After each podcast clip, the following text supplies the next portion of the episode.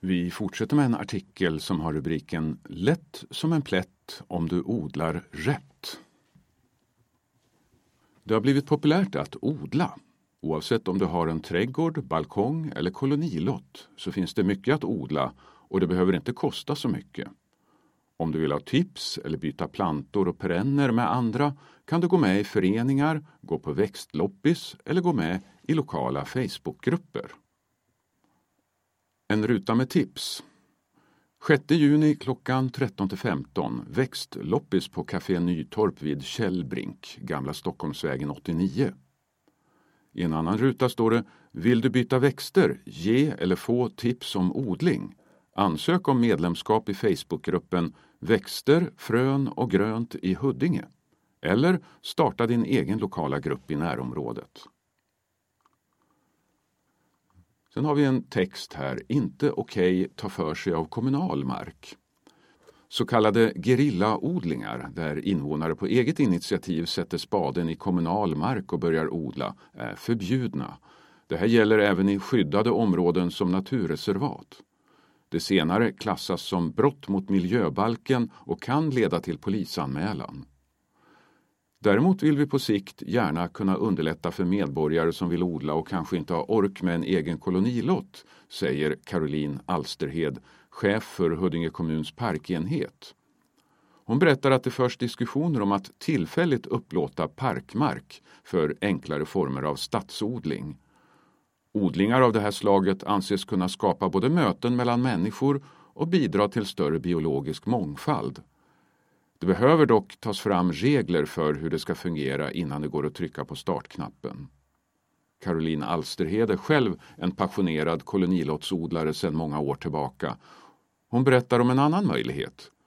Det kommer att finnas odlingsmöjligheter i Sjödalsparken när den är färdigrenoverad som ett nytt inslag i parken. Och så har vi en spalt med rubriken Att göra i maj. Har du frösått plantor mår de bäst av att förbli inomhus ett tag till. Runt 6 juni brukar man räkna med att risken för nattfrost är förbi här i Huddinge. Om du köper prunkande sommarblommor och vill plantera ut dem nu så bör du täcka dem med fiberduk eller vanliga filtar och handdukar. Eller låt dem stå kvar i kruka så att de kan lyftas in i tid om nattfrost hotar. Vattna och ge även näring åt dina vårblommande lökväxter som tulpaner och narcisser nu när de står i blom och har gröna blad. Så ökar du chanserna att de kommer igen nästa år. När körsbärsträden blommar kan du sätta potatis. Sätt den helst där det inte har vuxit potatis eller tomater de senaste åren. Kupa upp jord mot blasten när den tittar upp så får du kullar i potatislandet. Odlar du i pallkragar eller hink så gör du detta lättast genom att fylla på ny jord. Du kan också så de flesta sommarblommor och grönsaker vars fröpåsar är märkta med direktsådd ute i trädgården nu. Men täck över dem mot frost med fiberduk eller en avskuren petflaska som miniväxthus så gror de bättre. Och glöm inte att vattna. Ha inte för bråttom att klippa gräset. Låt tusensköna, teveronika och svalört blomma först till humlor och bins glädje. När du klipper så gör det på en högre klipphöjd så torkar det inte ut så lätt. Spara ett område, en liten miniäng och häpna över hur många fler nyttoinsekter du får. Rensa ogräs. Ju tidigare desto bättre. Rotogräsen tröttar du ut genom att hela tiden ta bort nya skott. Fröogräs bekämpar du genom att rensa bort dem innan de hinner blomma.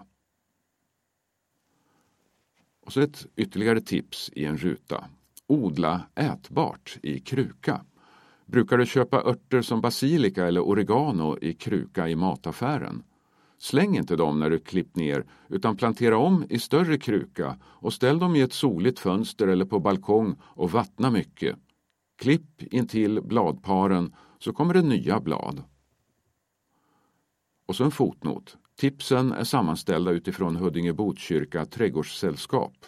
Du hittar fler tips på hu bo tradgard.org.